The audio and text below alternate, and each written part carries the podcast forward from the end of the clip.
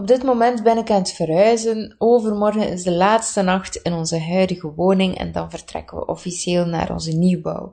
En ik moet eerlijk toegeven dat ons bouwproject echt wel stevig is geweest. Eerst waren er perikelen met de toenmalige boekhouder, die voor ons eigenlijk geen correct advies had gegeven op dat moment, waardoor dat we uiteindelijk verplicht waren om onze bouwgrond opnieuw te verkopen van privé naar de zaken en uiteindelijk extra schrijfkosten te betalen. Heel wat gedoe, waar dat ik u allemaal ga besparen. Ik vind mijn verhaal daarin niet zo interessant, maar um, voordat je een bouw koopt of een bouwgrond koopt, zorgt echt wel dat je helemaal op de hoogte bent van wat dat wel en niet mogelijk is. En ga dus nooit uh, een extra uh, advies gaan inwinnen bij een externe boekhouder. Een tweede, een derde advies. Wat ik uiteindelijk ook gedaan heb in die periode, al had ik het iets vroeger mogen doen natuurlijk. Nu, daartussenin bleken er ook fouten te staan in de akte. Dus uh, wij wouden de akte tekenen bij de notaris, maar er stonden toch wel dingen in waar dat wij ons niet in konden vinden. En we stuurden de um, compromis, is dat eigenlijk, uh, heen en weer om toch nog aanpassingen te doen voordat we wilden tekenen.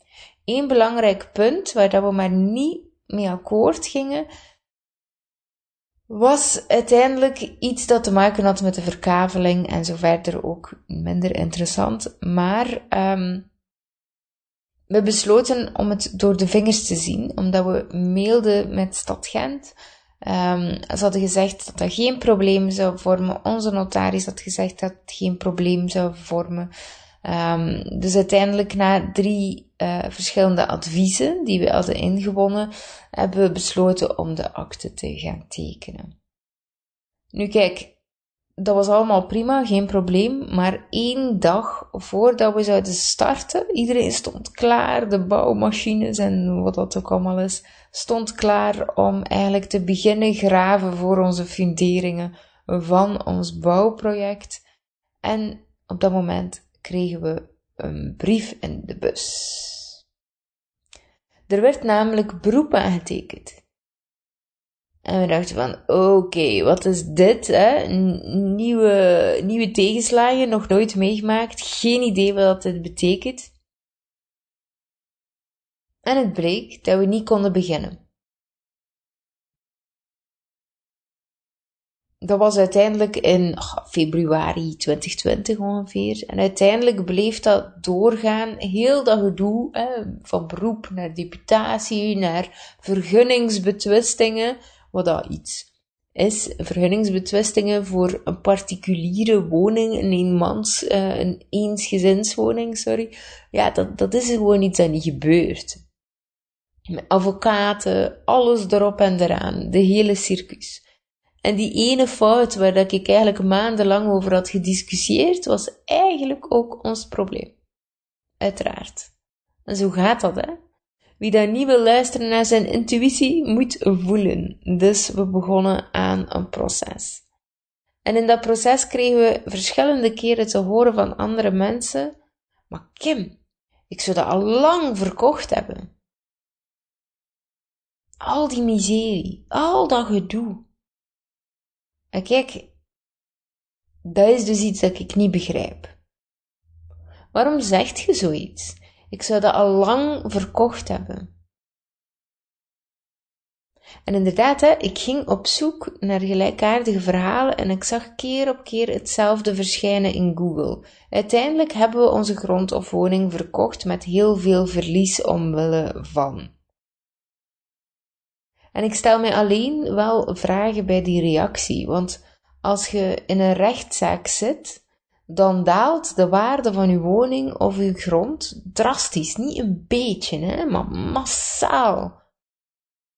Waarom zou je ervoor kiezen op dat moment om een gemakkelijk leven te gaan leiden met gigantisch veel verlies, waardoor je eigenlijk op langere termijn je hele leven een bepaalde schuld gaat moeten afbetalen. Dat is iets dat er bij mij gewoon niet in gaat. Ik begrijp het gewoon niet. Als er één ding is met investeringen, is dat je je investering pas kwijt bent zodra dat je verkoopt. Dat is net hetzelfde met crypto's, bitcoins, Ethereum en andere, maar ook met aandelen. Wat dat ik interessant vind, is geheel hoe dat mensen omgaan met geld als er emotie mee gemoeid is. Iets wordt lastig, vermoeiend, griezelig en ze maken ineens geen doordachte beslissingen meer. Ze geven op.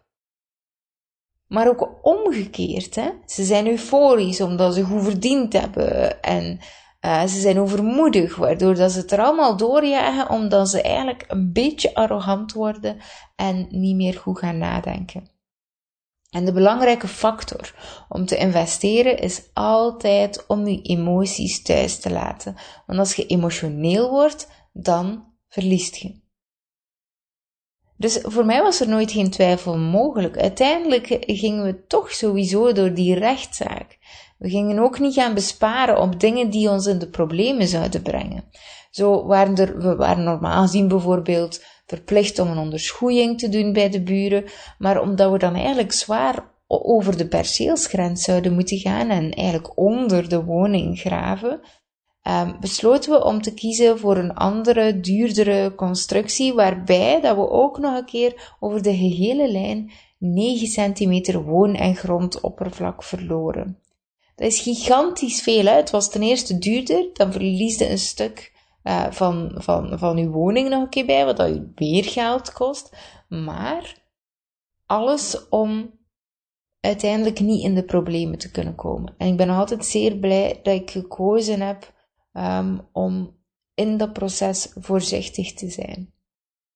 We kozen voor een zeer dure verzekering, omdat we ook wisten dat hij met Havik zo zou meevolgen. En als er dan iets zou gebeuren en we hebben geen verzekering, dan zou het echt zwaar opbreken.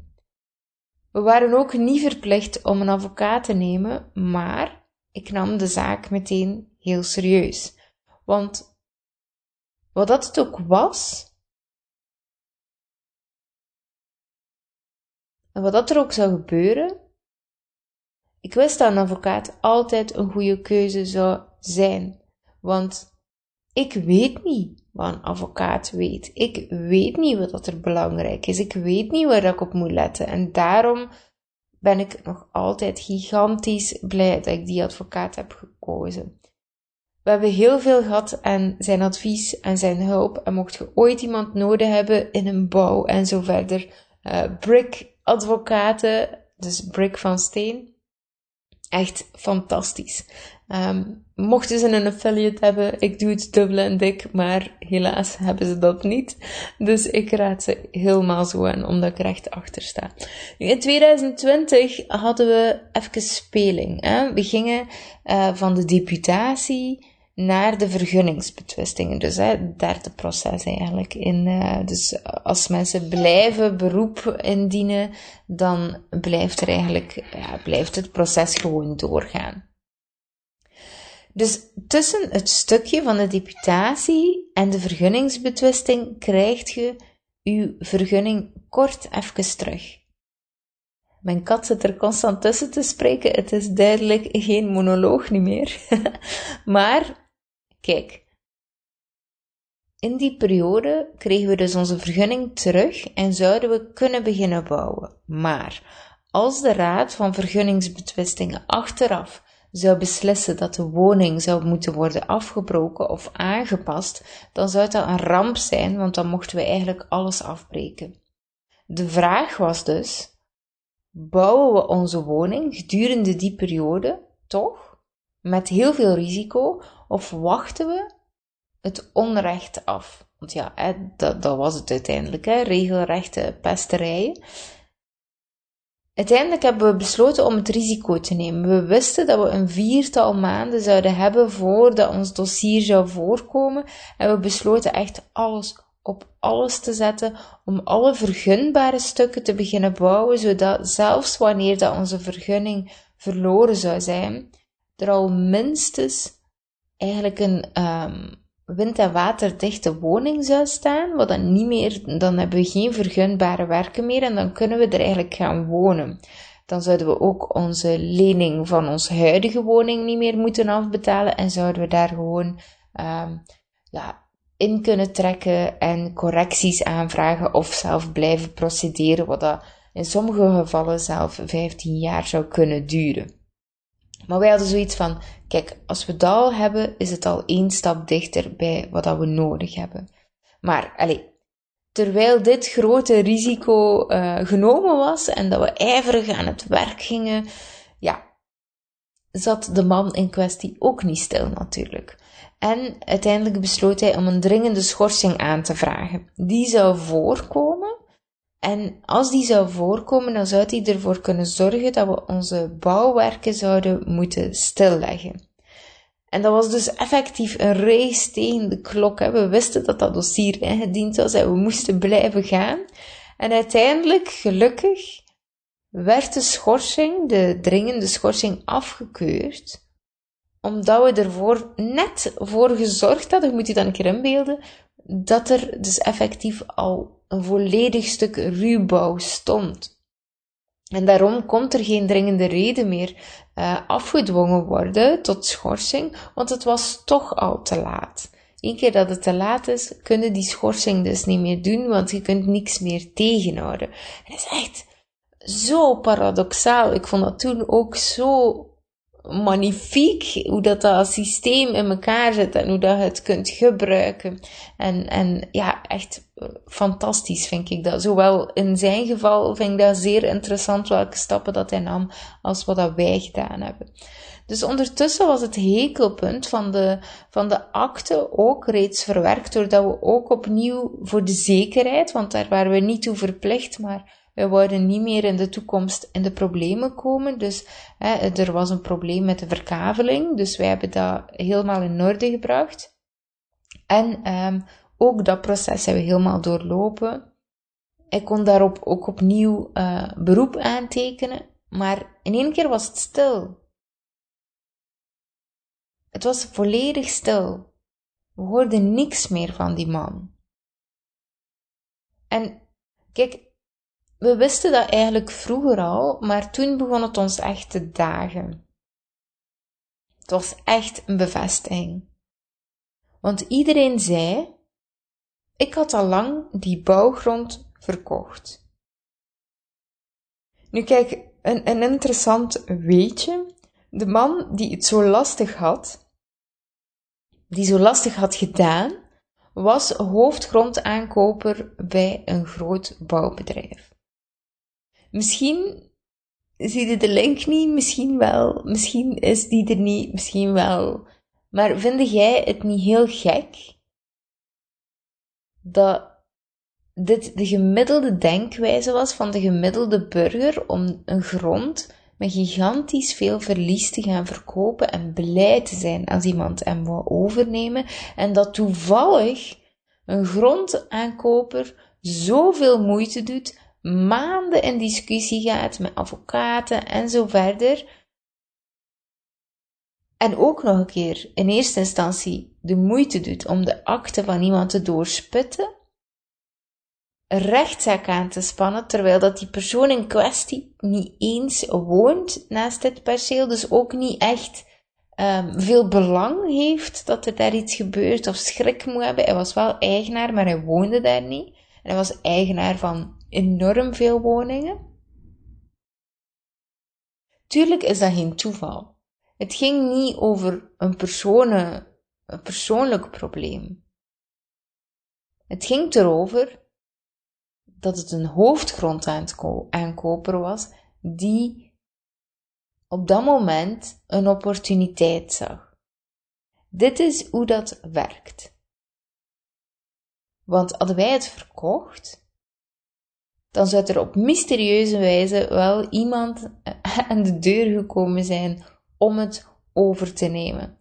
En dan ben ik ook zeker dat de hoofdgrondaankoper daar met enige uh, voet in de aarde iets mee te maken zou gehad hebben. Dus op elk niveau zijn er verschillende praktijken, tactieken.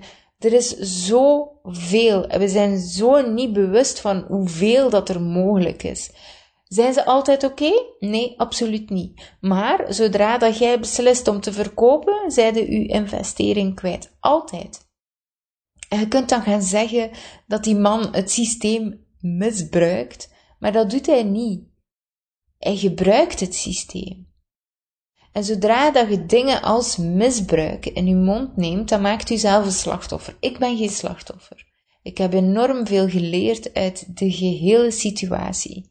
En als ik het had verkocht, dan had ik ook een keuze gemaakt. Dan was ik nog altijd geen slachtoffer. Dan had ik nog altijd zelf de keuze gemaakt. Dus dat is wel een heel interessante manier om dingen te gaan bekijken. En dat ga je ook veel sterker maken. Zij de bang? Dat is oké. Iedereen is bang. Als je denkt dat ik niet met verschillende momenten met tranen in mijn ogen bij de advocaat heb gezeten uit angst, tuurlijk wel. Maar handelt je uit angst, dan verliest je. En ik zie dat zo vaak gebeuren. We gaan voor een droom en zodra dat iets wat moeilijk gaat, dan geven mensen op. Maar kijk, je hebt die weerstand nodig. Als alles u voor de wind gaat tijdens het opbouwen van uw dromen, hoe denkt je dan in godsnaam dat je de basis gaat leggen? Een basis die stevig genoeg gaat zijn, dat zodra dat echt tegengaat, dat je er u tegen kunt verweren. In hoeverre kunt je in de spiegel kijken en zeggen tegen jezelf dat je alles, maar echt alles binnen uw macht hebt gedaan om uit een bepaalde situatie te komen? Investeren en persoonlijke groei hebben één belangrijk ding met elkaar gemeen en dat is exponentiële groei.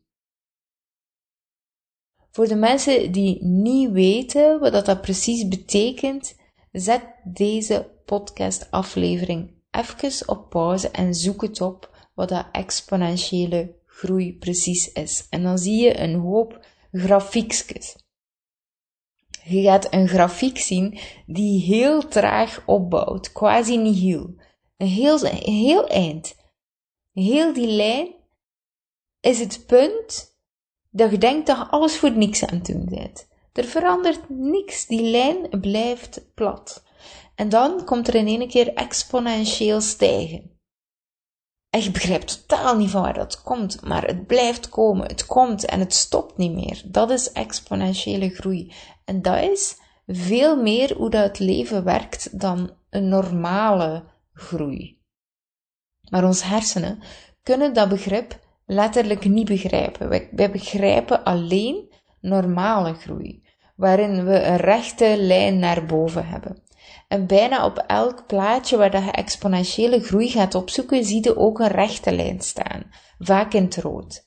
En als je daarnaar kijkt, dan zie je bij normale groei dat de resultaten veel sneller hoger zijn, maar op langere termijn veel lager, extreem veel lager, dan bij exponentiële groei.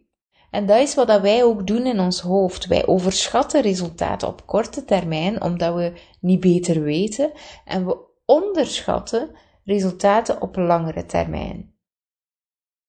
En dat is de reden waarom dat heel veel mensen veel te snel opgeven.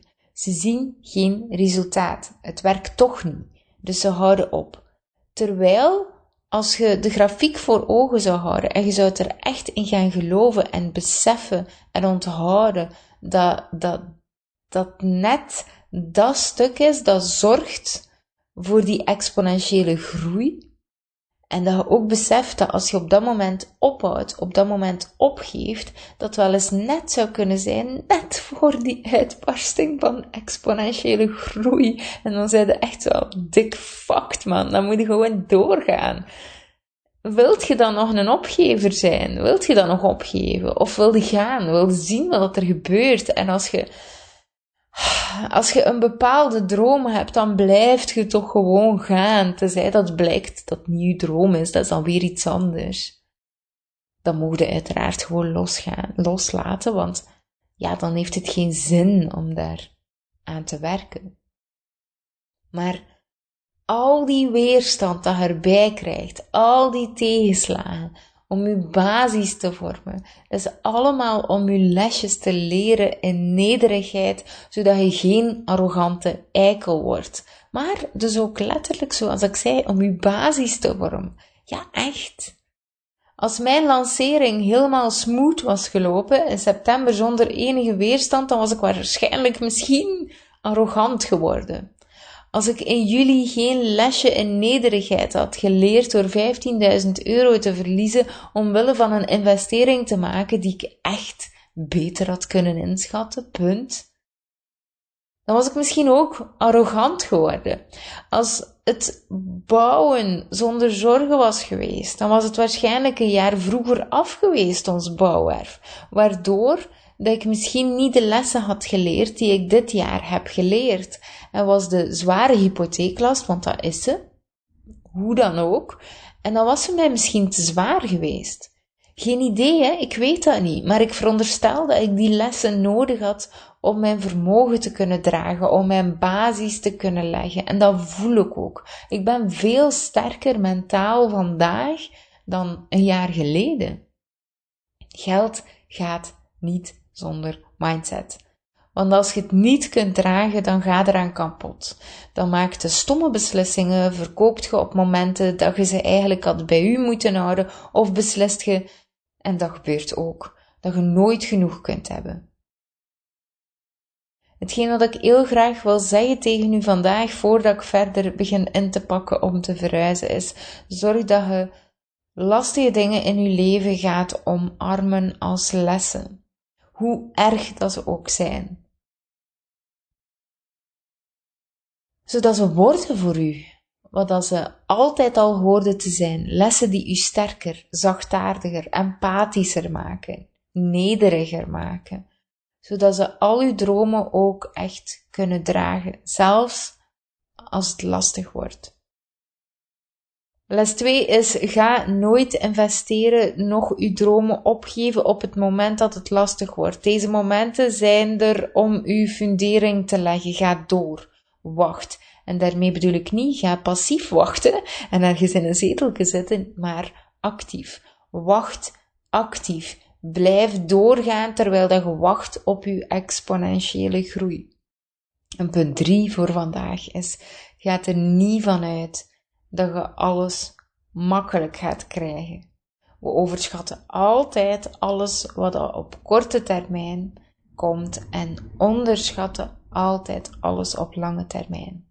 Dat kun je niet veranderen. Maar eens dat je het weet en eens dat je het echt, echt beseft, dan kun je het ook niet meer ontzien. En wordt het terwijl ook veel rustgevender. Want je weet dat het komt. En vanaf dan kun je echt in overvloed gaan leven. Dat is wat ik heel graag wou meegeven vandaag. Um, probeer het toe te passen, probeer het te zien, probeer erover na te denken. Exponentiële groei is mijn favoriete, favoriete woord, omdat het mij al heel veel gebracht heeft en ik hoop u ook. Oké, tot de volgende. Salutjes, geniet van de mooie dag.